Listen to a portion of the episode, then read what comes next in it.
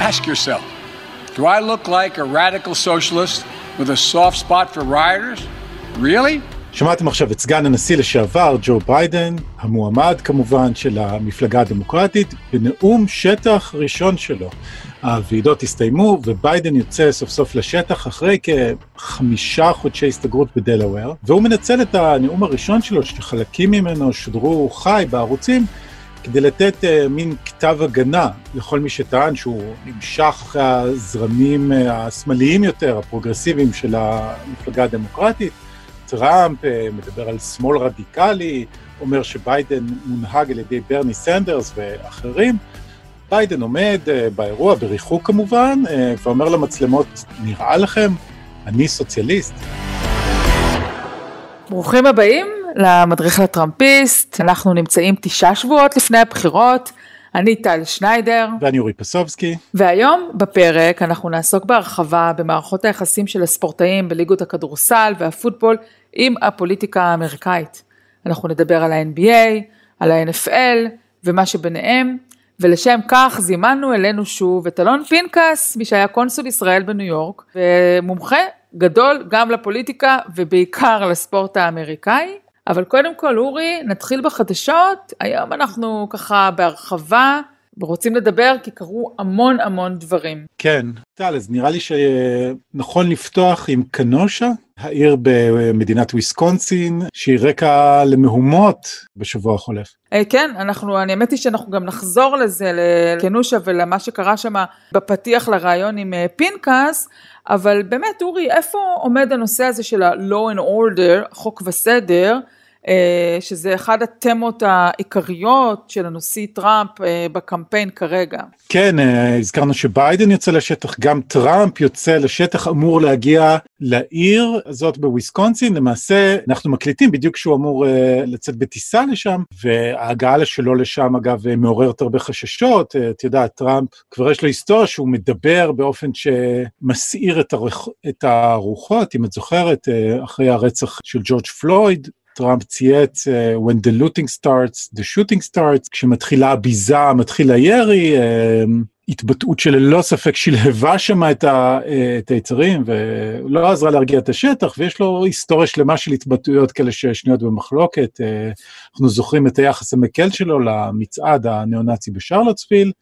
ביום שני השבוע, אגב, הוא קיים מסיבת עיתונאים וגונן על הצעיר בן ה-17, קייל ריטנהאוס, שהרג שני מפגינים אה, במהלך המהומות בקנושה, יש סרטונים שלו ממש יורה שם בנשק אה, אה, חצי אוטומטי בעיר, הגיע לשם עם איזושהי מיליציה שבאה לכאורה לשמור על החוק והסדר, וטראמפ הסביר במסיבת עיתונאים שהוא ניסה להתגונן, לברוח, למרות שלמיטב הבנתי הוא מואשם ברצח כרגע. He was trying to get away from them, I guess, it looks like, and he fell, and then they very violently attacked him.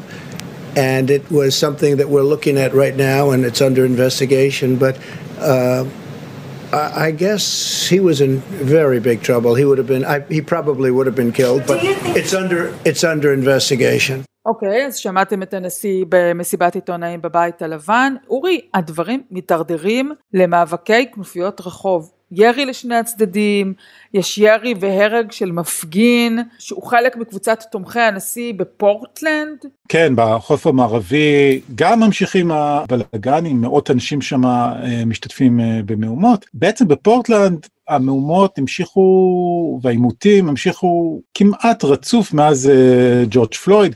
בחלק מהמקרים, את יודעת, מהומות, בחלק מהמקרים זה הפגנות, בחלק מהמקרים הפעלת הכוח הגיעה דווקא מהכוחות הפדרליים שנמשכו לשם. בכל מקרה, צריך להזכיר שפורטלנד היא עיר שיש לה, את יודעת, uh, ותק של הפגנות ומהומות עם מאבקי רחוב עוד משנות החמישים של המאה ה-19, זה המוניטין של העיר הזאת.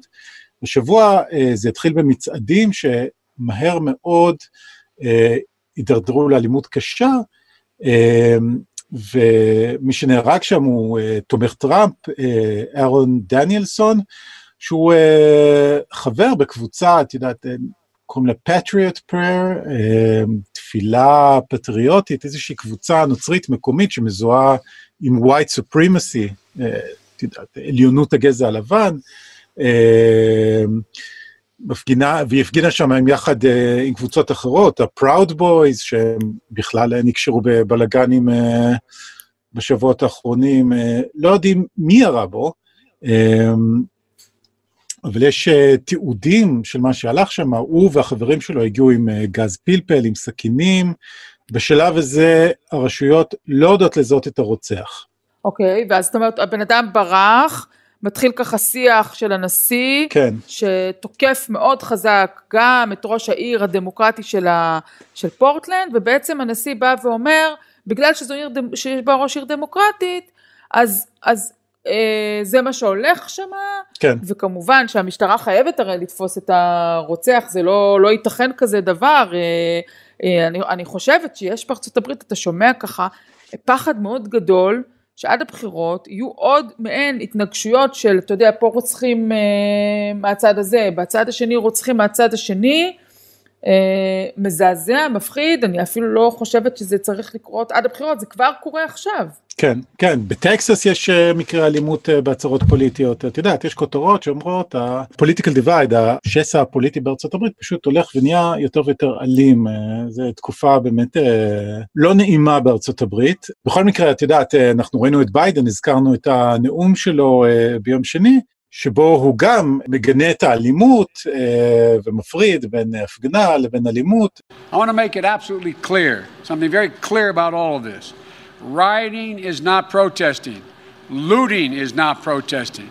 Setting fires is not protesting. כלומר, את יודעת, טראמפ מנסה לנכס את המסר הזה של law and order, ביידן מנסה לא להשאיר את המגרש ריק. מנסה לא לתת לטראמפ לתייג אותו כמי שלא בעד שמירה על החוק והסדר. כן, אז הוא אומר דברים די נחרצים ביחס ל... ל למפגינים האלימים, למתפרעים ולבוזזים. Mm-hmm. לא, הוא לא משאיר פה מקום כן. לאיזה שהם קווים אפורים. כן, נראה אם זה יצליח לו. כן. טוב, מצד שני, הנשיא טראמפ יושב לראיון בפוקס ניוז אצל המראיינת, המגישה לורה אינגרם.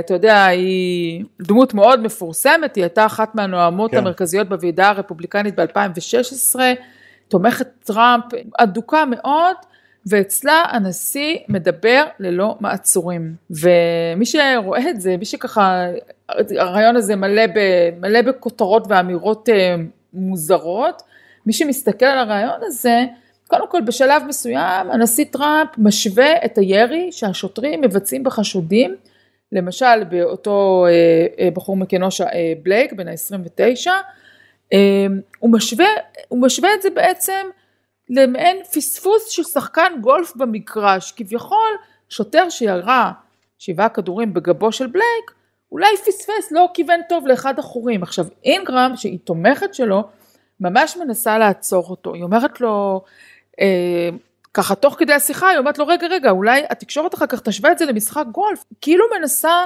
לסייע לנשיא להוריד את הטונים, לדבר יותר אה, נורמלי.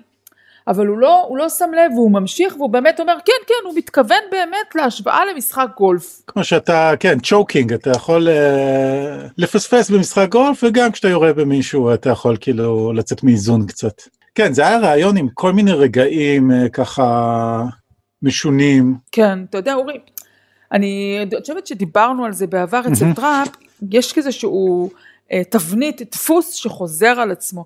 יש לו שבוע מאוד מוצלח של ועידה, הוועידה עברה חלק, כן. אה, גם מבחינה תקשורתית וגם הנאום שלו עצמו, שבו הוא נאם רצוף ומסודר ומאורגן, mm-hmm. ואפילו זכה ל...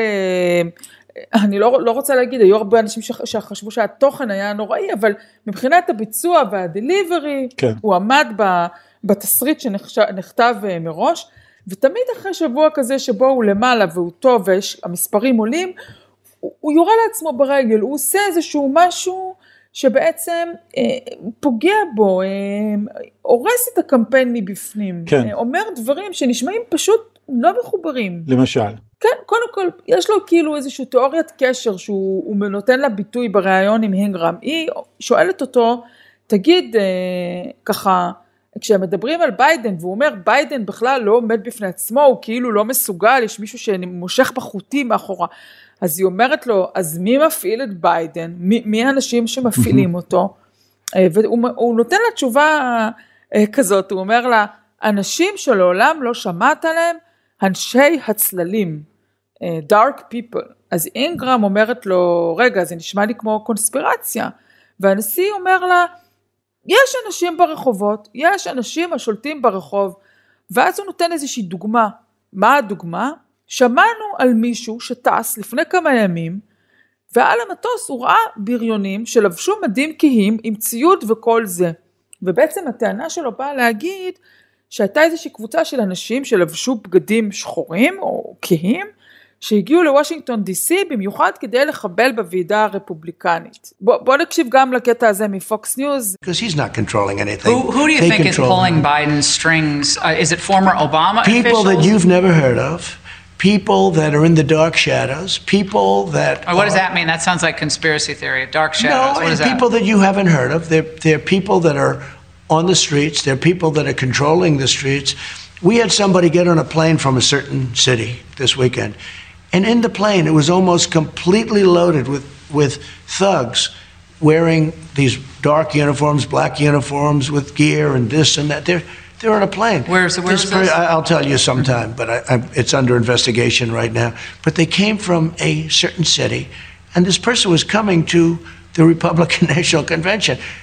And there were like seven people on the plane like this person, and then a lot of people were on the hmm. plane to do big damage. את יודעת מה, אה, לפני שנמשיך הלאה, אולי ככה לחבר רגע בין הוועידה הרפובליקנית בשבוע שעבר, שאומנם דיברנו עליה בפרק הקודם, אבל זה היה לפני הנאום של הנשיא טראמפ, אפשר לחבר בינה לבין המסר של חוק וסדר, שכמובן היה דומיננטי גם בוועידה הזאת. אני פשוט קראתי איזה טור מעניין בעיניי של גרג סרג'נט בוושינגטון פוסט, שבו הוא אומר, אסור ככה לאמץ את, ה, את המסר הזה של חוק וסדר של הנשיא כפשוטו, כי הנשיא מדבר על חוק וסדר, אבל בעצמו אה, מערער, מערער על שלטון החוק.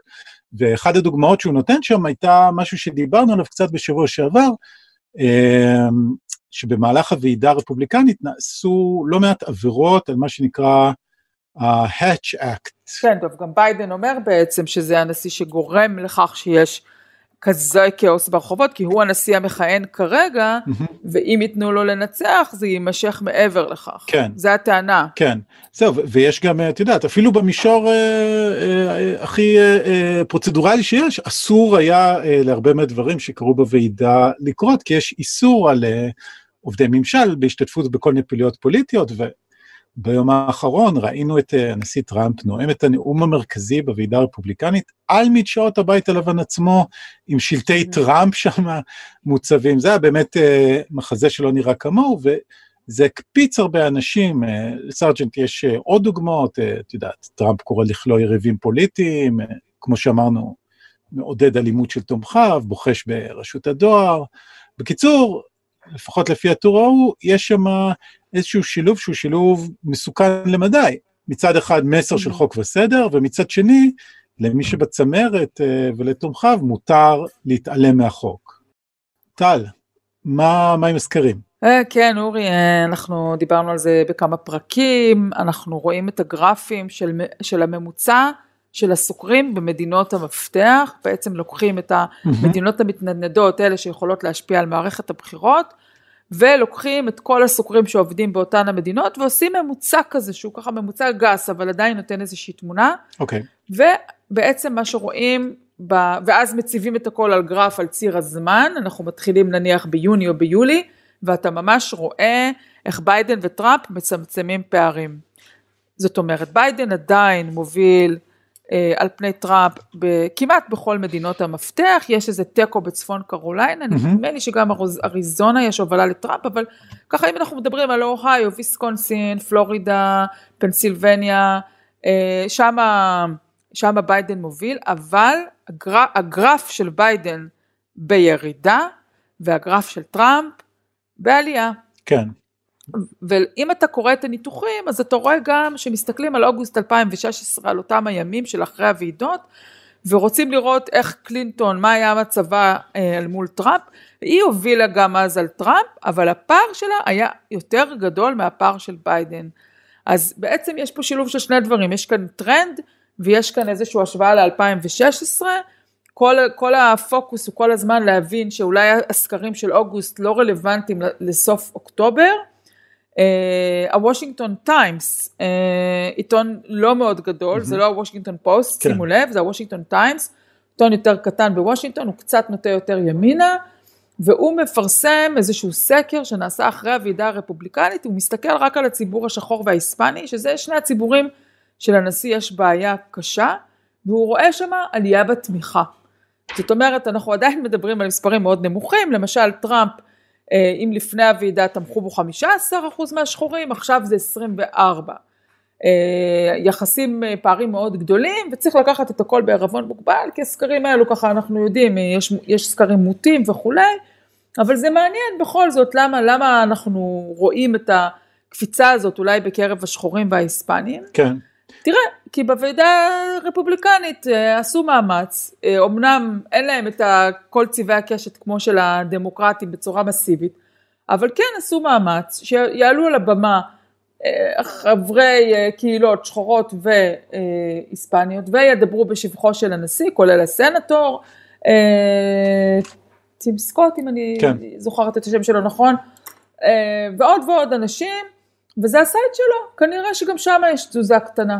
אם כבר אנחנו מדברים על סקרים, יש את הטענה המוכרת, שיש איזשהו, את ה-silent majority, כמו שהזכרנו פה כבר, שיש איזה רוב שאנחנו לא רואים אותו בסקרים, שהוא שקט, לא מורגש, אבל מצביע. אז נכון, אה, יועצים של הנשיא ככה חוזרים על המסר הזה. אה, למשל, אני שמעתי ג'ייסון מילר, mm-hmm. אחד מהיועצים של הנשיא, אסטרטג, הוא okay. אוקיי. מדבר השבוע עם הוול סטריט ג'ורנל, והוא אומר, יש קבוצה מסיבית שקטה, וזה בדיוק הקטע שהוא בא ואומר, אנחנו ניסינו להעביר מסר בוועידה, שיש תומכים שקטים שלא רואים ולא שומעים אותם, ולפי דבריו, בעצם, זו הסיבה שהוועידה לא הייתה מוצפת בנאומים של פוליטיקאים, אלא לדוגמה לא ראינו שם את מיץ' מקונל, הסנטור המנהיג הרוב בסנאט, האיש הפוליטיקאי החזק ביותר, יכול היה לעלות, או אפילו את, אה, את לינזי גרם, שניים, שתי הדמויות הכי בולטות במפלגה, שיכלו לעלות וידאו מביתם, לא, הם לא מופיעים, במקום זה יש האנשים הפשוטים, התומכים, mm-hmm. האנשים מהשטח שחייהם הושפעו לטובה בארבע השנים האחרונות, זה, זה המסר. אוקיי. Okay. קראתי משהו אה, מאוד מעניין של קווין רוז, פרשן הטכנולוגי דווקא, של הניו יורק טיימס, בחור, אה, בחור מעניין, ששבוע הוא כותב על זה שהוא הצליח לזהות איפה הרוב השקט הזה מסתתר. איפה? איפה? בפייסבוק. אה, שם יש שקט, שם יש רוב, אוקיי. תשמעי, אה, זה לא סוד אה, שהרפובליקאים חזקים בסושיאל מדיה. מה שרוז עושה זה תרגיל יפה, הוא בודק איזה סיפורים זוכים להכי הרבה תפוצה ומעורבות גולשים בפייסבוק. את יודעת, לפייסבוק יש כלי שנקרא Crowd Tangle, שהוא נותן לך לראות כל מיני טרנדים, מגמות, מספרים של סיפורים שרצים על הפלטפורמה. והוא עוקב אחרי זה באופן די אדוק, ורוז מראה שבאופן עקבי, הסיפורים שמובילים בפייסבוק, כמעט בכל פרמטר, מגיעים מהיקום הזה של כלי תקשורת ימניים ולא מתקשורת המיינסטרים, אבל בפער mm-hmm. אדיר, אדיר. למשל, באוגוסט, אז באינט... במדד של אינטראקציות, ל-CNN יש 21 אה, מיליון אינטראקציות, לניו יורק טיימס יש 8 מיליון אינטראקציות, לבן שפירו את יודעת, הפרשן הימני, יש 55 כן. מיליון אינטראקציות. וואו, הפודקאסט שלו חזק מאוד, אני גם אה, מקשיבה. כן, אז כל מיני סרטונים, סיפורים שלו בטירוף. או סרטונים למשל, יש את אה, CNN אה, עם 73 מיליון סרטונים, ניו יורק טיימס עם 12, ויש מין סטנדאפיסטים תאומים רפובליקנים, The Hodgett Twins, או The Hodge Twins, ולהם יש 84 מיליון, כלומר המספרים ש... של ה... כוכבית ליד, כוכבית ליד התאומים האלו, צריך אולי להביא אותם לפינץ שלנו, תזכור. נזמין אותם. מזמן. אבל מה שהוא אומר זה שהתוצאה היא שאם אתם מאותם אנשים מבוגרים יותר הרבה פעמים, שהם אה, בתוך הבועה של אה, פייסבוק, אז הם חיים ב, ב, בעולם תקשורתי שבו טראמפ הגיב באופן מאוד חזק ואפקטיבי לקורונה, ג'ו ביידן אה, לא מסוגל להשלים משפטים, ו-Black Lives Matter זה, את יודעת, הם רק בוזזים אלימים, כלומר, mm-hmm. והוא אומר, את יודעת, את רוצה להבין את הבוחרים, את צריכה להסתכל על uh, מה מעניין אותם לראות, ומה שמעניין אותם בפייסבוק לראות זה תמונת העולם המאוד uh, ספציפית הזאת, הוא טוען ש... ש את יודעת, יכול להיות שזה, ששם אנחנו יכולים למצוא איזשהו רמז למה שהולך לקרות בנובמבר. ונעבור עכשיו לריאיון המרכזי, אנחנו חוזרים היום לאלון פנקס, לשעבר קונסול ישראל בניו יורק, ובינינו לפחות מומחה מוביל לפוליטיקה וספורט אמריקאי. אנחנו נמקד את הריאיון בנושא התרחשויות בענפי ספורט שונים בארצות הברית עם המחאות, אבל לפני שנתחיל בריאיון, אורי, בוא ניתן קצת רקע. אתה יודע, לפני כשבוע, שחקני קבוצת הכדורסל, מילואקי בקס, כמובן בליגת ה-NBA, היו אמורים לשחק מול האורלנדו מג'יק. במקום לצאת למגרש, הם החליטו להישאר בחדר ההלבשה, כמחאה על ירי, ירי משטרתי כמובן, בג'ייקוב בלייק, כמה ימים קודם לכן, בעיר קנושה, ויסקונסין. אה, בלייק, אפרו-אמריקאי, אב לשלושה, בן 29, היה חלק מקטטה משפחתית על איזושהי מדרכה ככה בעיר, מספר נשים היו מעורבות שם, צריך להגיד גם, היו לו רישומי אלימות במשפחה ואפילו צו מעצר נגדו.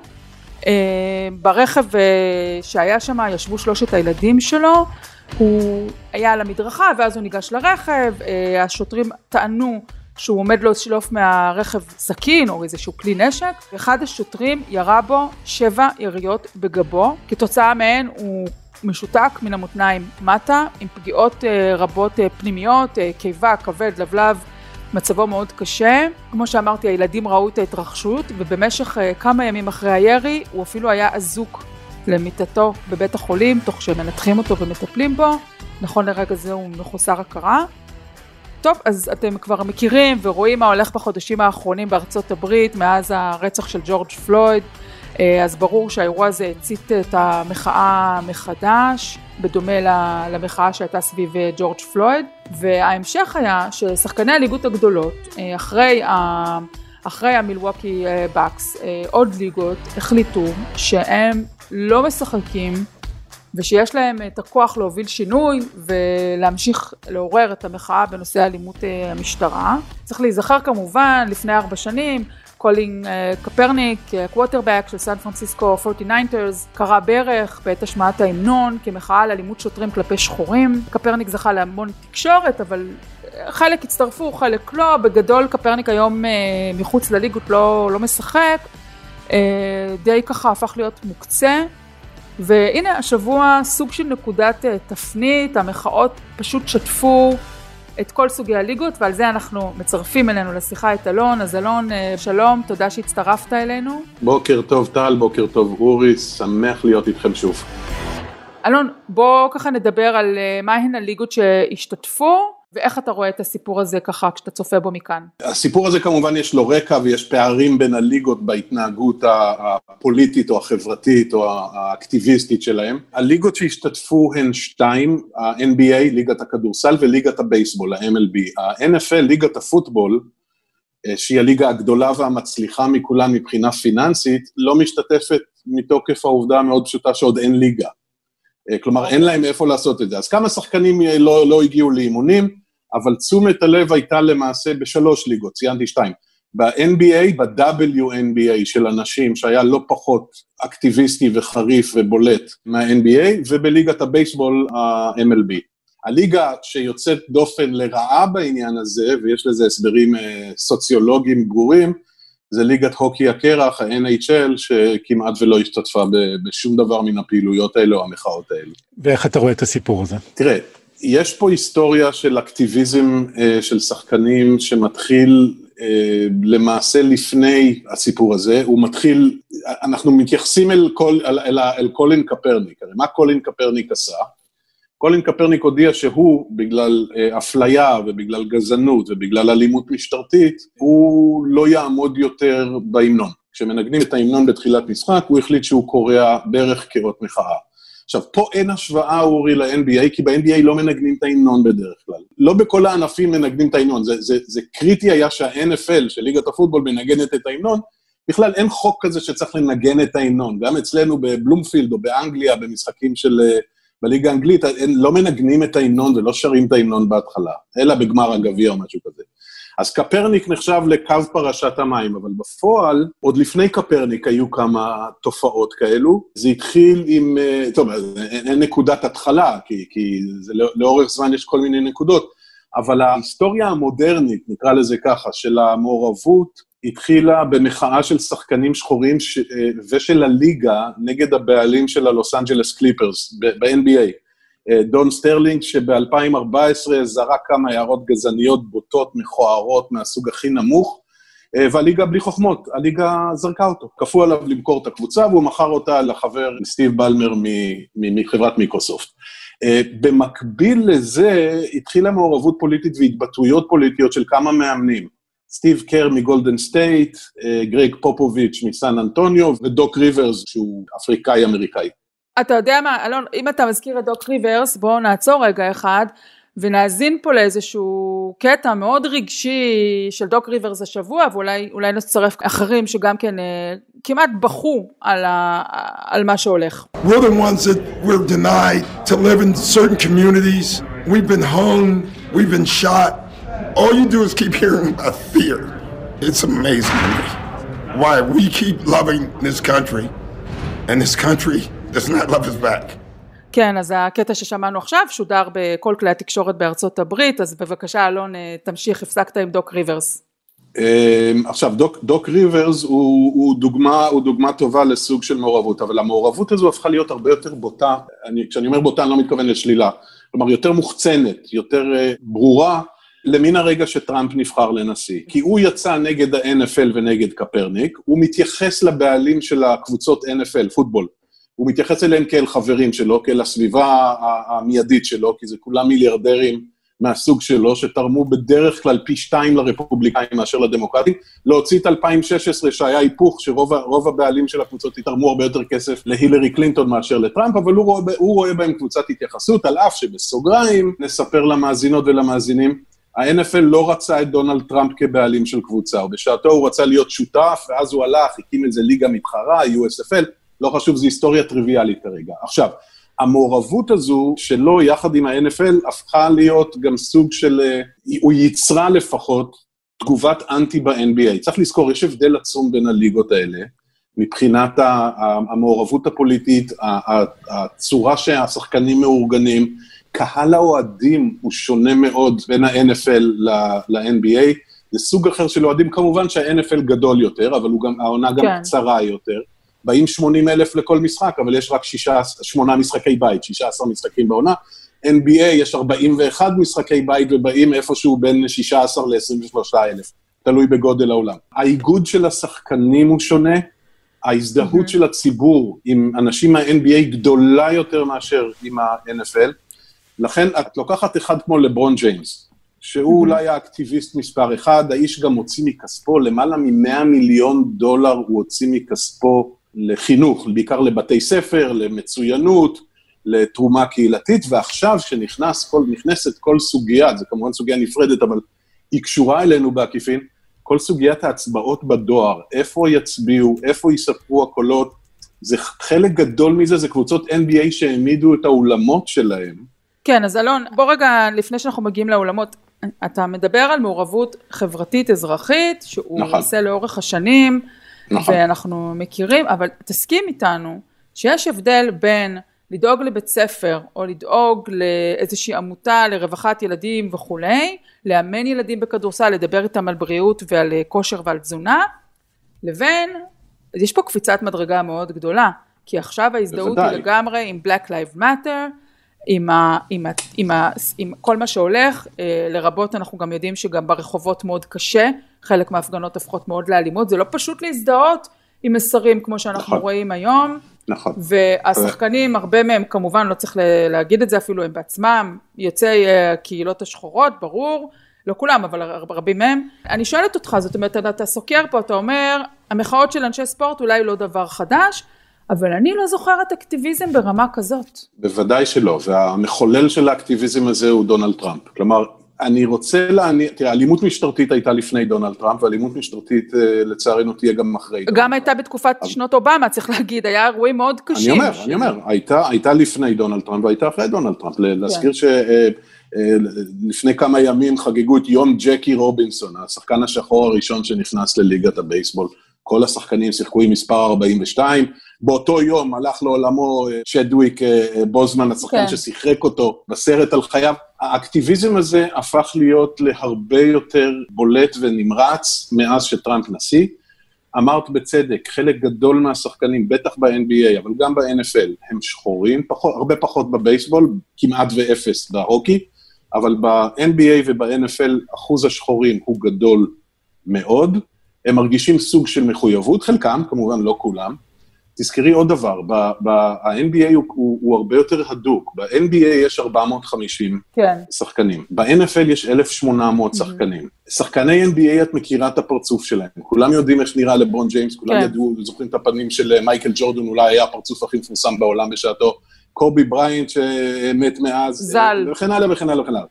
שחקני פוטבול אה, משחקים עם קסדות, עם מגינים, את כמעט לא מכירה אותם. כן. רק כשאת אוהדת קבוצה, את יודעת לזהות. כל אוהד כדורגל מזהה את כל ה-11 שחקני הרכב, כל אוהד כדורסל מזהה את כל החמישייה הפותחת של הקבוצה שלו. צריך להיות אוהד באמת שרוף של קבוצת פוטבול כדי לזהות את כל 53 שחקני הסגל, שלא לדבר על ה-11 שמשחקים בהגנה או ה-11 שמשחקים בהתקפה. כלומר, זה הרבה יותר אה, מרוחק.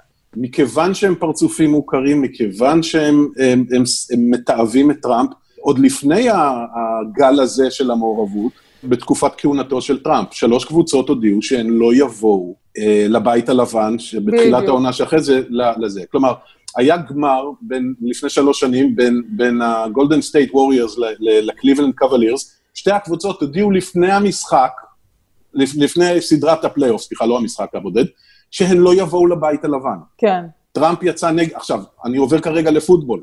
הפילדלפיה איגלס, שזכו בסופרבול לפני שתי עונות, הם הודיעו שהם לא יבואו, חצי מהשחקנים אמרו שהם לא יבואו, ואז טראמפ אמר, טוב, לא צריך, אל תבואו. אותו דבר המיניסוטה לינקס ב-WNBA והניו יורק ליברטי והלוס אנג'לס ספארקס, קבוצות אה, נשים, קבוצות כדורסל נשים של ה-WNBA. כלומר, יש פה איזה גל גדול של מעורבות חברתית, שהשחקנים האלה, זה יפה לעטוף את זה במחזירים לקהילה, אבל זה הרבה יותר מזה בגלל הבולטות החברתית שלהם, והתקשורתית. כן. אלה מהמאזינים שלנו שלא עוקבים, צריך גם uh, לציין שכמו בכל דבר השנה, גם הספורט לא רגיל השנה, וה-NBA נכון. בעצם uh, מתקיים במה שנקרא בועה, הם בעצם בודדו את השחקנים, את כל הליגה כולה בודדו בפלורידה, נכון. כל השחקנים יחד, ונראה שחלק מהעניין, איזשהו דיסוננס פסיכולוגי ככה שנוצר אצל השחקנים, כלומר בחוץ אמריקה גועשת, והם הסתגרו להם בפלורידה לשחק כדורסל, והם קצת מרגישים כמו בדרנים כאלה שמעלים... Uh, מופע עבור אה, שאר אמריקה. אתה צודק במאה אחוז, אורי, אבל אה, הם בדרנים גם בשאר ימות השנה כשאין קורונה. רק עכשיו הדיסוננס אצלם גדול יותר אולי. אתה מאה אחוז צודק, תראה, שחקן שרגיל לשחק באולם מול 20 אלף אוהדים שלו, או 20 אלף אוהדים של הקבוצה שאצלה הוא מתארח, אה, זה שואו, זו הצגה, כן. זה, זה, כן. זה ספורט. פתאום הם משחקים בבועה, מבודדים, בלי קהל, עם קרטונים, עם כמה מאמנים שצועקים, אתה שומע אותם מחוץ, כן. מחוץ למגרש בכלל, מעבר לכביש. פוטבול בכלל עוד אין, וסביר מאוד שלא יהיה, בטח לא בחודשיים הקרובים, והעונה אמורה להתחיל בעוד שבועיים. היינו עכשיו אמורים להיות אחרי שני משחקי ראווה, מבין ארבעה שכל קבוצה משחקת בפוטבול. העונה אמורה להתחיל בסוף השבוע השני, באזור החמישה עשר לספטמבר. לא סביר שזה יקרה. כנ"ל הבידוד של שחקני הבייסבול, גם הם בשלושה מקומות לא התייצבו למשחק. כלומר, זה קרה בין היאנקיז למץ בניו יורק, זה קרה במיניסוטה, במיניסוטה טווינס, זה קרה בעוד, שתי, בעוד שני משחקים לעוד שתי קבוצות. הדיסוננס קיים, זה ברור. טל ציינה בצדק את ה-Black Lives Matter כאיזה מין רעיון אה, אה, מאחד או רעיון מגדיר של כל העניין הזה, אבל אה, אתה יודע, אנחנו פה מדברים ומדברים ומלהגים כבר רבע שעה על העניין הזה. צריך לזכור, ההשפעה של זה, הפוליטית, מחוץ לאירועים האלה, היא מוגבלת. כי אנחנו זוכרים, אני לא, אני לא עושה אנלוגיה מושלמת פה, כי, כי אין, אבל כל מערכת בחירות יוצאים לך כל מיני שחקנים מהוליווד ומצהירים על אהבתם למועמד א' או מועמד ב', ולא, וזה לא, זה לא באמת מעניין. אז אני באמת אקח את זה רגע, לא להשפעה הפוליטית, אלא בוא נדבר רגע על הצד הכלכלי-עסקי של זה, כי א', יש שאלה פה, האם הם לא פוגעים בעצמם. והשאלה השנייה שאני מחדדת, אני מסתכלת עליהם, הם הרי עובדים שכירים כביכול, אבל אנחנו יודעים שכל נכון. השחקנים האלו הם טאלנטים שמרוויחים סכומים מטורפים.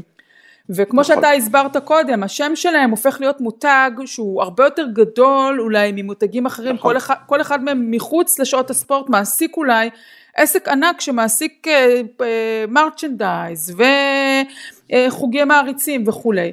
ופתאום נכון. הם, הם, הם, תמיד, הם תמיד היו מאוד עשירים. ופתאום הם גילו שיש להם, שהאושר הזה, הם לא חייבים להתנהג כמו שכירים רגילים שהם כפופים למקום העבודה ולא יכולים רק התאגדות עובדים וכולי, אלא יש להם איזשהו כוח כלכלי גם לבצע, אני קוראת לזה קצת disrupt, כאילו הם עושים שינוי, ס, שינוי סדר. זה מה, שוב, אני חוזרת, אני חושבת שזה משהו חדש בזכות המעמד הסופרסטארי שלהם. את צודקת, ועלית פה על נקודה שהתכוונתי אחר כך ל- ל- ל- להתייחס אליה, ההבדל בין הליגות. הליגת NBA, אחד הדברים שמאפיינים אותה זה החוזים ארוכי הטווח ומה שנקרא guaranteed salary או guaranteed contract, חוזה מובטח, ולכן יש להם הרבה יותר ביטחון כלכלי גם אם אין משחק, כלומר אין להם פה הרבה מה להפסיד. אוקיי. Okay. שחקני פוטבול, קודם כל לא כולם מיליארדרים. קפרניק שאנחנו רואים את מצבו. כמו קפרניק, אבל קפרניק כבר שלוש שנים לא איתנו מבחינה, מבחינת שחקן כן. פעיל.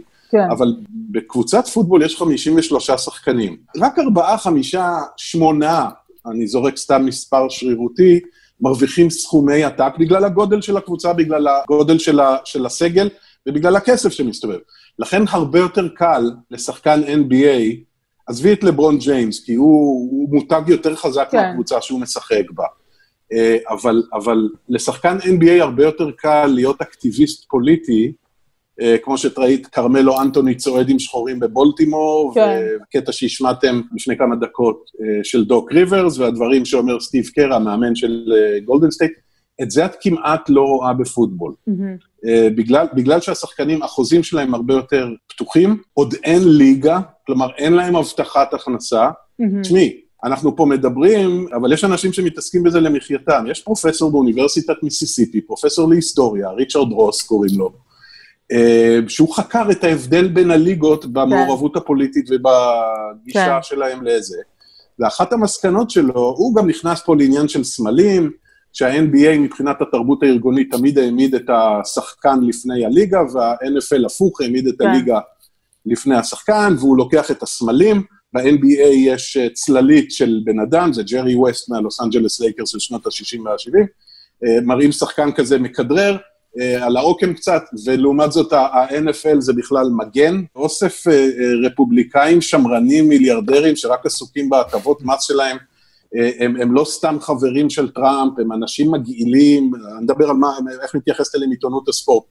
הם לוקחים אחד כמו ג'רי ג'ונס מהדאלאס קאובויז, או, או לוקחים אחד כמו מהניו אינגלנד פטריוטס, את רוברט קראפט, חבר של, אה, כן, של טראמפ, או לוקחים, את, או לוקחים את וודי ג'ונסון, הבעלים של הניו יורק ג'טס, שהוא בכלל מינה לשגריר בלונדון. בדיוק. ונורא קל, נורא, נורא קל לשנוא אותם, נורא קל לא לאהוב אותם. גם השחקנים לא אוהבים אותם. ה-NBA, כמעט אף אחד לא מכיר את הבעלים של הקבוצות. כלומר, האוהד של הקבוצה יודע מי הבעלים שלו, אבל כל אוהד פוטבול יודע מי הבעלים של הדאלאס קאובויז. Mm-hmm. אף אחד מחוץ לניו יורק לא יודע, כמובן אני מכליל בכוונה, כן. אף אחד לא יודע שהבעלים של הניו יורק ניקס זה טיפוס בשם אה, אה, דולן, או שהבעלים של, אה, של הלוס אנג'לס קליפרס זה מה שאורי הזכיר, האיש שאורי הזכיר קודם, אה, סטיב בלמר. Mm-hmm. אה, יש, יש הבדל ארגוני תרבותי בין שתי הליגות האלו. כן. בעצם אתה חושב, אם אני מבין נכון, שזה לא עד כך משפיע. כלומר, כל המחאה הזאת, למרות שהיא יוצרת רעש תקשורתי, אולי לא משפיעה על הבוחרים? על הבוחרים? בטח שלא. בואו נתחיל ככה. הנושאים שבגינם הם מפגינים, הנושאים שבהם הם אה, מבטאים את האקטיביזם שלהם, הנושאים שבהם הם תורמים כסף, כמו לברון ג'יימס שהזכרנו כמה פעמים, הנושאים האלה בהחלט בראש מעייני הבוחרים, מכל הסוגים. אבל מה שסטיב קר אומר על טראמפ. סטיב קר המאמן של ה-Golden State Warriors, או מה דוק ריברס אומר, לא משפיע על בוחר באוהיו שאיבד את הביטוח בריאות שלו ואת מקום העבודה שלו, אבל הוא לא אוהב אה, ליברלים דמוקרטיים וכל מיני, כל, כל, כל הפרופילים האלה ש, שאנחנו מכירים לפני או לפנים ברחבי אמריקה לפי החתכים הידועים. מה לברון ג'יימס אמר, מה סטיב קר אמר, מה דוק ריברס אמר, מה כרמלו אנטוני אמר, מה ראסל ווסטברוק אמר, אה, לא מעניין אותם, גם לא מעניין אותם מבחינת הפוטבול, עוד פחות מבחינת הפוטבול. בעיני כן. האמריקאי הממוצע, אורי, שחקן פוטבול הוא, שחקן כדורסל, אה, זה איש שאני מעריך את מה שהוא נותן לי מבחינת הבידור, הוא פריבילג ברמות בלתי נתפסות מבחינת הכסף והמעמד שלו. כן. יש לו קריירה קצרה יחסית, בפוטבול חמש-שש שנים, בכדורסל שבע-שמונה שנים להוציא, או כן. טיפה יותר להוציא פציעות חמו, מסיימות קריירה.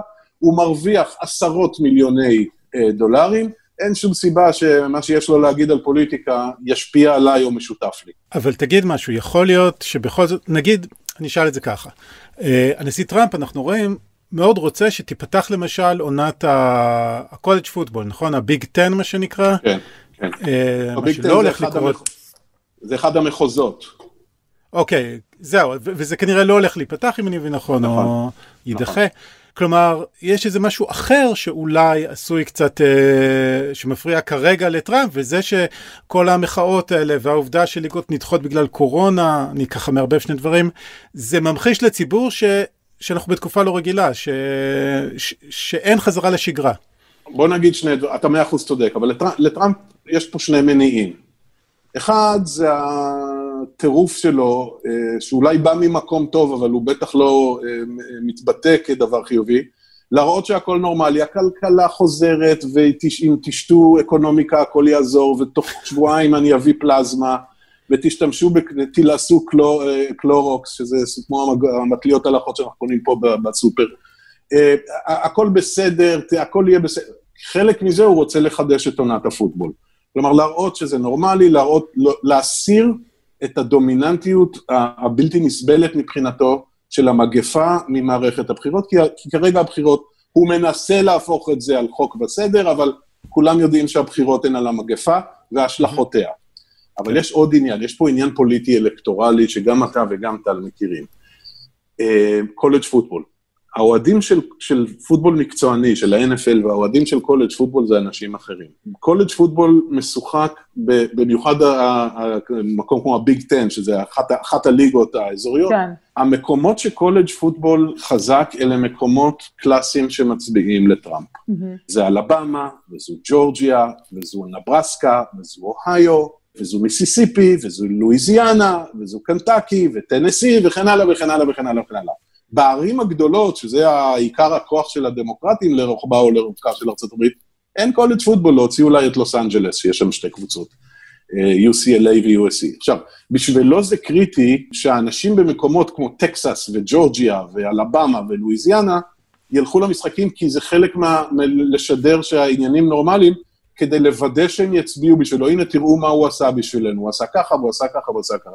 אגב, אותו דבר הוא ניסה, אורי, לעשות עם הענף ספורט השני שהאוהדים שלו מהווים את, ה... את בסיס הבוחרים, וזה נסקר. יש לך את האוהדת מספר אחת שלהם בישראל פה. לגמרי, לגמרי. נסקר אנחנו מה, אוהבים. מה, תשתגעת? מאוד אוהבת. מה יש לכם נסקר? הייתי שם כמה פעמים. מה יש לנו נסקר? הייתי שם כמה פעמים. גם אני הייתי שם, זה, זה, זה, לא. זה כמו לפלוש לביירות. לנו נסקר? תשמע. לא חשוב. אבל גם שם הוא חטף שתי מהלומות, כשהוא ניסה לעלוב באחד הנהגים הבודדים שיש שהם שחורים. כן. והנהלת, הנהלת, זה לא ליגה בדיוק, אבל הנהלת המפעל הזה, או הענף הזה שנקרא נסקר, יצאה נגדו. יצאה נגד טראמפ. זה היה על הרקע של ה-confederate flag. נכון, נכון, נכון. כי חלק כן. גדול, מי שהיה, מי שהיה בנסקר, בעיקר בדרום, יודע שדגל הקונפדרציה, דגל הדרום, על כל מה שהוא מסמל, אה, מונף שם בגאון כן. ובגאווה. זה לא משנה אם לכולם יש את אותה מטרה בלהניף אותו, זה אצל חלקם זה סוג זכה, של גאווה. הוא זכה לגיבוי אה, של כל השחקנים האחרים. אה, וואי, אני לא מצליחה להיזכר בשם שלו, בבא וואלאס נדמה לי? נכון, אלון, בדיוק. אני רוצה לשאול על ה-WNBA, אמנם mm-hmm. סיפור שכבר הוא אה, כבר חלפו כמה שבועות מאז שהוא קרה, אבל הוא עדיין מרתק לדעתי. השחקניות של האטלנטה דרים אה, עלו למגרש, או לא יודעת אם זה עלו למגרש, או לבשו חולצות ספורט שעליהם הודפסה התמיכה במועמד שקוראים לו דוקטור רפאל וורנוק, מועמד לסנאט מטעם ג'ורג'יה, שאנחנו כנראה חושבים שהוא אולי לא ינצח, אני לא יודעת את הפרטים אם הוא בכלל צמוד או שהוא, אבל זו מדינה שמרנית, יש סיכוי למועמדת הרפובליקנית, הסנטורית קלי לופלר, והיא גם הבוסית שלהם, וגם המועמדת לסנאט, והיא אחת, מה, אחת מהבעלים של הקבוצה של ה-WNBA, ואין, השחקניות פשוט, אה, מה שנקרא, אה, אמרו יאללה, כי הם לבשו חולצות שחורות כאלו, והם כתבו support אה, רפאל וורנק, זה היה רגע די, די מרתק לראות את ה... זה, זה, זה גם נעשה על רקע של כל המחאות, אבל לא רק. כן, בהחלט. תשמעי, המחאה שלהם הייתה נגדה בתקופה לא נעימה מבחינתה, משום שהיא חשודה, במס... הייתה חשודה לפחות בשימוש במידע פנים. כי בעלה הוא נשיא הבורסה של ניו יורק, mm-hmm. וגם הוא וגם היא תורמים גדולים של טראמפ, כן. מה שמייצר אנטי מיידי אצל השחקניות, ואז היא, במקום לשתוק ולהתעסק בענייניה, גם התחילה לדבר נגד אה, Black Lives Matter. כשאתה בעלים של קבוצת WNBA, כשכל חמש השחקניות הפותחות שלך הן אפריקאיות אמריקאיות, כן. כשאת לא הולכת להיבחר כתוצאה מתעמולת נגד Black Lives Matter, מוטב שתשתקי, אז היא הביאה, היא הביאה אותן למצב הזה, שבו הם מחו למעשה נגדה, ואז טראמפ היה חייב להתערב, כי הוא חייב להתערב, ואז הוא אמר כמה מילים, ואז, ואז התפשט בכל ה-NBA, לא, לא, לא סביב מרוץ לסנאט, אבל המחאה התפשטה ל-NBA עד כדי כך שאחת הקבוצות שיחקה עם חולצות, או התאמנה ליותר נכון עם חולצות, שמאחורה צוירו שבעה אה, חורי כניסה של כדורים, וואו. כהזדהות עם, ה, עם הירי בקנושה של אה, ג'ושוע בלק. אז בקיצור, אנחנו רואים שגם ה-WNBA לא שותקות. אה, לא, אמרנו בהתחלה. כן. זה ה-NBA, ה-WNBA וה-MLB, ה-Major League Baseball. כן. פוטבול כרגע לא מעורב מהסיבה הפשוטה שאין פוטבול. כן. אם מחר היה משחק, אני מניח שחצי מהשחקנים לא היו באים וואו. בפוטבול, אבל זה ניחוש שלי. הליגת אוקי קרח היא, היא 95 אחוז לבנה בלאו הכי, אוהדים, שחקנים, מאמנים וכולם ביחד, בטח 100 אחוז בעלים. ואלה הליגות. אגב, זה גם אה, אסור לזלזל ב-MLS, בליגת הכדורגל האמריקאית, ולו מפני שחלק גדול מהשחקנים שם הם אה, היספנים, ואו שחקנים אפריקאים, ואו שחקנים אמריקאים ממוצא אפריקאי, כלומר אפריקאים אמריקאים, גם ב-MLS, שהיא גדלה וגדלה וגדלה, אבל היא עדיין לא נחשבת לאחת מארבע הליגות הגדולות, פוטבול, בייסבול, כדורסל והוקי קרח, mm-hmm. גם שם זה התפשט. זה, זה מתפשט לכל, אה, לכל מקום. אני מניח שהעימות הבא בנושא הזה שאנחנו מדברים עליו, העימות הבא יהיה סביב ה-NFL. הליגה לא תרצה לפתוח את העונה, יגידו, לא יבטלו את העונה, יגידו שדוחים בחודשיים, בואו נראה מה קורה, אולי נשחק מדצמבר עד אפריל במקום מספטמבר עד אה, פברואר, אה, נשחק עם המשחק הזה. לטראמפ זה לא טוב, בגלל שהבחירות הן בעוד 64 אה, ימים, בשלושה בנובמבר, כלומר, הוא לא רוצה את הסממן הכל כך מובהק הזה. תזכרו עוד דבר, אתם יודעים איזה שני... תשעה שבועות, תשעה שבועות של שיכרון חושים. תשעה וחצי בשבילך. זה הסרט לפחות היה. 64 ימים, אני לא סופר שעות. תראו, הסיפור עם הפוטבול הולך להיות סיפור באמת גדול, משום שהוא הולך להעמיד את טראמפ בעימות גדול לקראת, ממש לקראת הבחירות. צריך, תזכרו עוד דבר, כמות הצופים במשחק NFL, לא רק באיצטדיון, כמובן בטלוויזיה זה הסיפור הגדול, היא עולה לאין ארוך על מספר הצופים בכדורסל. כן. אה, מן הסתם העונה קצרה יותר, כמו שאמרתי, יש 16 משחקים לכל קבוצה בעונה ולא 82. כל משחק הוא קריטי מבחינה תחרותית, כלומר למעמדך ומצבך לקראת הפלייאוף. זה מסורות שלמות סביב איז, המשחק שרואים כולם ביחד ב Thanksgiving, המשחק שכולם רואים אחרי, המשחק שכולם uh, מחכים לו בפלייאוף, לקראת השנה החדשה, זה כבר סיפור הסופרבול, כלומר Christmas של שנה חדשה. כלומר, פוטבול מבחינה טלוויזיונית ומבחינת תשומת לב, הוא הרבה יותר גדול מכדורסל. אוקיי, okay, אז uh, אלון, אנחנו uh, צריכים לסיים ככה בקרוב, אבל לפני זה רציתי לשאול אותך ככה לסיום, אתה יודע, uh, יש פה מין התנגשות כזאת של מצד אחד, אני יודע, כמובן שאתה עוקב באדיקות גם אחרי פוליטיקה אמריקאית ובכלל, מצד שני יש פה את הספורט ש... אה, פתאום אה, נדחה, בין אם זה בגלל המגפה שלא פותחים ליגות, ובין אם זה שחקנים מחליטים למחות פוליטית ופשוט יום אה, של משחקים ב-NBA נעלם לו. איך אתה, איך אתה מרגיש לגבי כל זה באופן אישי? נורא ואיום אורי, כי מכל הדברים שהמגפה הזו גרמה, היותר משמעותיים לחיים, מבחינת הפגיעה בצורת סגנון והחיים, זו הפגיעה הכי קשה. תראה, ספורט בשביל הרבה מאיתנו, חוץ מהקבוצה שאנחנו אוהדים, זה סוג של אסקפיזם, אנחנו בורחים לפוטבול, בורחים לכדורגל אנגלי או ספרדי, בורחים ל-NBA. כן. ופתאום זה ניטל מאיתנו, וכשזה חזר, זה חזר בלי קהל, וזה הכל נראה משחקי אימון כאלה, עם שקט מוחלט שאתה שומע אה, את, את המאמן אה, מחטט באף, עד כדי ככה שקט הזה. וזה זה לא, זה, זה מאוד, זה, זה, זה יותר הפריע לי מאשר כל דבר אחר, מאשר בתי קפה סגורים או מסעדות סגורות, או לא לראות אנשים. וואו. טוב, אסקפיזם, אה, אנחנו אסקפיזם שלנו זה ה fight הזה בין טראמפ לבין אה, ביידן, זה הספורט שלנו של הפודקאסט הזה. בסדר, אה, בזה אני מתעסק רוב היום, אבל, אבל גם פה, את יודעת, בוא אני אתן לך עצה ידידותית. לא, לא, לא כביקורת חלילה, זה סתם תחכי לתחילת אוקטובר. זה די בזבוז זמן להתעסק עכשיו ב-25 סקרים ביום. אז אני רוצה להגיד לך שאני חושבת לפעמים על, לא על תחילת אוקטובר, אלא אני חושבת על אמצע נובמבר, ואני כבר מכירה מסבבים קודמים את ה... אחרי הקמפיין יש כאילו, אוקיי, מה? זה נגמר. אז כן. לא יודעים מה לעשות, ומחפשים מישהו אחר לריב איתו. בכל מקרה, אלון, המון המון תודה. תודה לכם. והשכלת אה, אותי לפחות מאוד מאוד. ונקווה שככה זה, שהספורטאים אה, יביאו, יביאו כיף יותר בעתיד. בטוח. יאללה, להתראות. תודה אורי, תודה טל.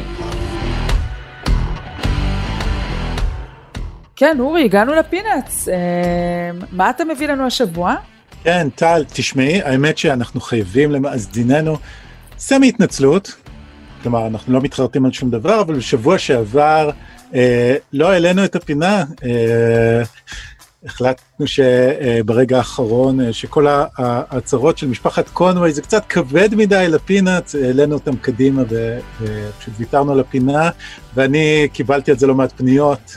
בדיוק, אורי, אני חטפתי ביקורת בטוויטר, אל תשאל. בקיצור, הפינאץ חזרו. קצת באיחור, אבל בכל זאת חייבים לדבר על זה שהבית הלבן, ה-West Wing, אחת הסדרות הפוליטיות הזכורות ביותר, הולכת לעלות ב-HBO פרק איחוד. ענק. כן, הם לא מתאחדים סתם בשביל ככה כיף של הצופים, המטרה שלהם היא uh, לעודד הצבעה.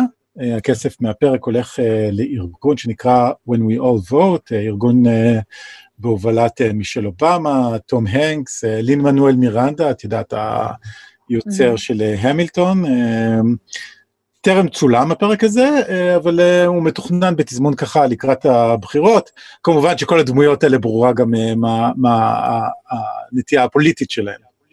כן, אז רגע, רגע, רגע, אבל מה התסריט? כאילו הם עושים מה הם עושים בפרק? תשמעי, אה, לפי הדיווחים אה, בעיתונות האמריקאית, הם הולכים שם לבצע מחדש את הפרק אה, שנקרא Heartfield Landing, איזשהו שם פיקטיבי לעיירה קטנה בצפון ניו-המפשר, שמצביעים בלילה לפני הפריימריז, ואז המספר הקטן של הבוחרים שמצביעים שם עשוי להשפיע על ה-news cycle. לא כולם, לא כל מי ששיחק בסדרה המקורית איתנו, אבל... רוב השחקנים המכירים השתתפו, אה, אהרון סורקין היוצר יוסיף לתסריט חומרים עדכניים. אז, אז יאללה, תגיד לנו, תזכיר לנו את החבר'ה. כן, אז uh, מרטין שין, הוא היה נשיא uh, uh, בארטלט, הוא עכשיו uh, uh, בן 80. Uh, רוב לאו היה כותב הנאומים, סאם. אליסון ג'ני שיחקה את סי.ג'י קרייג, הדוברת, אה, לדעתי אפילו עשתה איזו הופעת אורח בבית הלבן של אובמה בתור הדוברת. דניאל מלוני, העוזרת הבכירה של chief of staff, ברדלי ויטפורד. קראו לו ג'וש בסדרה. ג'וש, ג'וש ליימן, הוא היה יהודי, הוא שיחק יהודי. אבל אני רוצה להגיד לך, שאני נורא אהבתי את רוב לאו, אחר כך הוא פרש מהסדרה או שהוא עזב או משהו כזה. הוא היה רק בעונות הראשונות, אבל יש לי קצת, בגלל שבאמת עברו כל כך הרבה שנים, אני אומרת לעצמי, רגע, איך הוא נראה היום? זה יהיה קצת, אה, אני קצת חוששת, כאילו, רוב לאו היה חתיך של, אה, של בנות גילי, אתה לא, לא, לא מודע לזה? כן, אה, גם הוא היה לו, הוא הסתבך שם, טוב, לא משנה, אבל uh, כן, תשמעי, ברדלי ויטפורד, אם ראית אותו, הוא היה בסרט uh, של ג'ורדן פיל, אני חושב, uh, סרט אימה, גם, uh, גם עליו השנים עברו. בכל מקרה, בואי נשמע שנייה את רוב בולאו, החתיך, או חתיך בדימוס, עוד נגלה, מספר על התחושות 20 שנה אחרי שהתוכנית רצה. Memorized episodes and everything. It almost makes you laugh to think that you weren't allowed to do political shows on television. You know, in those days, you know, people thought this might not happen, and it just, people embraced it, and it's 20 some whatever years later, and they're still embracing it. אגב, אורי, אתה יודע שיש מי שטוען שהווסט ווינג היא בעצם אה, עשתה איזשהו, לא יודעת, נזק או בלאגני בפוליטיקה הדמוקרטית, כי אה, היה כל מיני דברים שכאילו כאילו יצרו אצל המפלגה הדמוקרטית התנהלות לפי הסדרה. כן. והיה ביקורת שכולם היו לבנים. כן, זו הסדרה הכי לבנה והיה, בעולם בערך, כן. כן, והייתה, והייתה, זה 20 שנה אחורה. אבל היה, אני חושבת שגם הקצב של הסדרה, אם היום אנחנו נראה את זה, אנחנו כאילו נגיד, מה זה היה מגניב, זה בטח נורא איטי כרגע. Mm-hmm. אבל אחד הדברים דווקא הייתה ביקורת על סאם סיבורן, אה, הלו הוא רוב לאו, אה, שאפשר לתפור את הכל באמצעות נאומים מאוד חזקים ומאוד טובים. כן. יש שם איזשהו המעמד של כבוד לכותב הנאומים, ואורי, אתה חושב שזה עובד ככה היום? כן, נראה לי גם אובמה האמין בזה, בזה שאתה נושא נאומים ומשכנע את כולם, והרפובליקאים לא כל כך היו בקטע. היום, היום זה לא נאומים, זה סינקים לטוויטר. כן, וקרבות רחוב. כן. טל, אז מה, מה את מביאה לנו? טוב, אורי, אתה, אתה אוהב לקרוא ספרים? משתדל, כשיש זמן, את יודעת, כשמתפנים מהטוויטר. mm. טוב, אז אני רוצה להמליץ לך על ספר היסטורי. כן. ממש.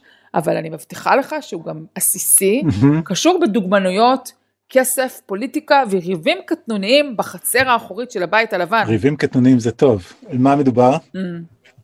טוב, אז תקשיב, לקראת נובמבר, כמו בכל עונה פוליטית, יוצאים הרבה מאוד ספרים על הנשיא ומשפחתו. כן. אנחנו מכירים את זה בארצות הברית הרבה מאוד שנים.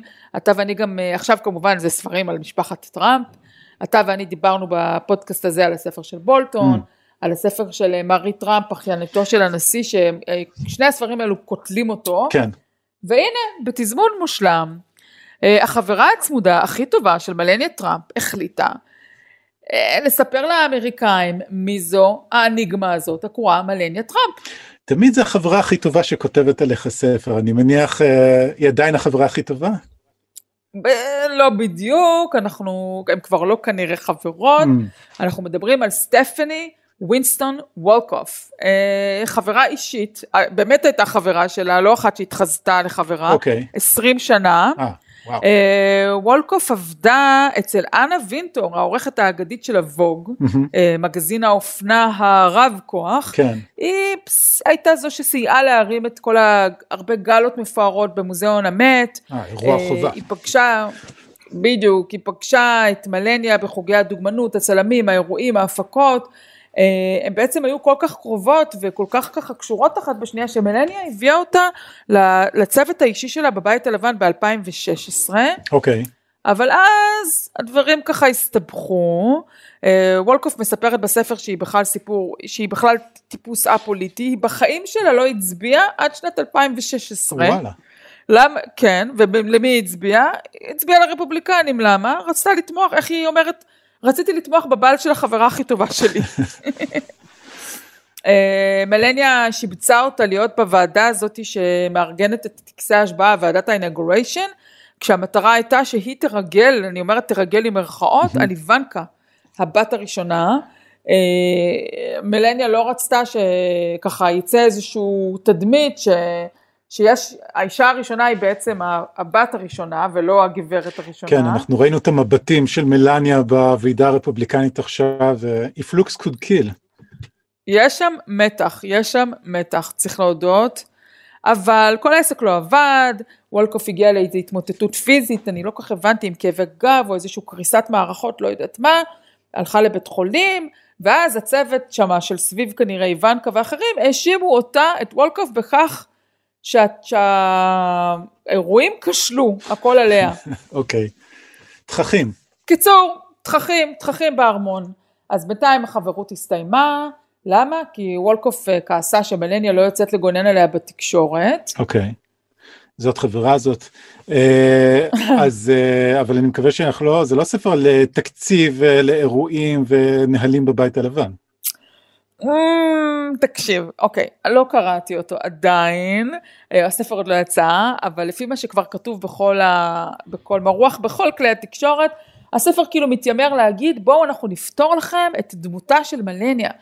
האניגמה הזאתי, האישה שלפעמים אפילו יש לה קצת מבט ספינקס כזה, כן. אה, מי זו הגברת הראשונה המסתורית, היפה והמרוחקת?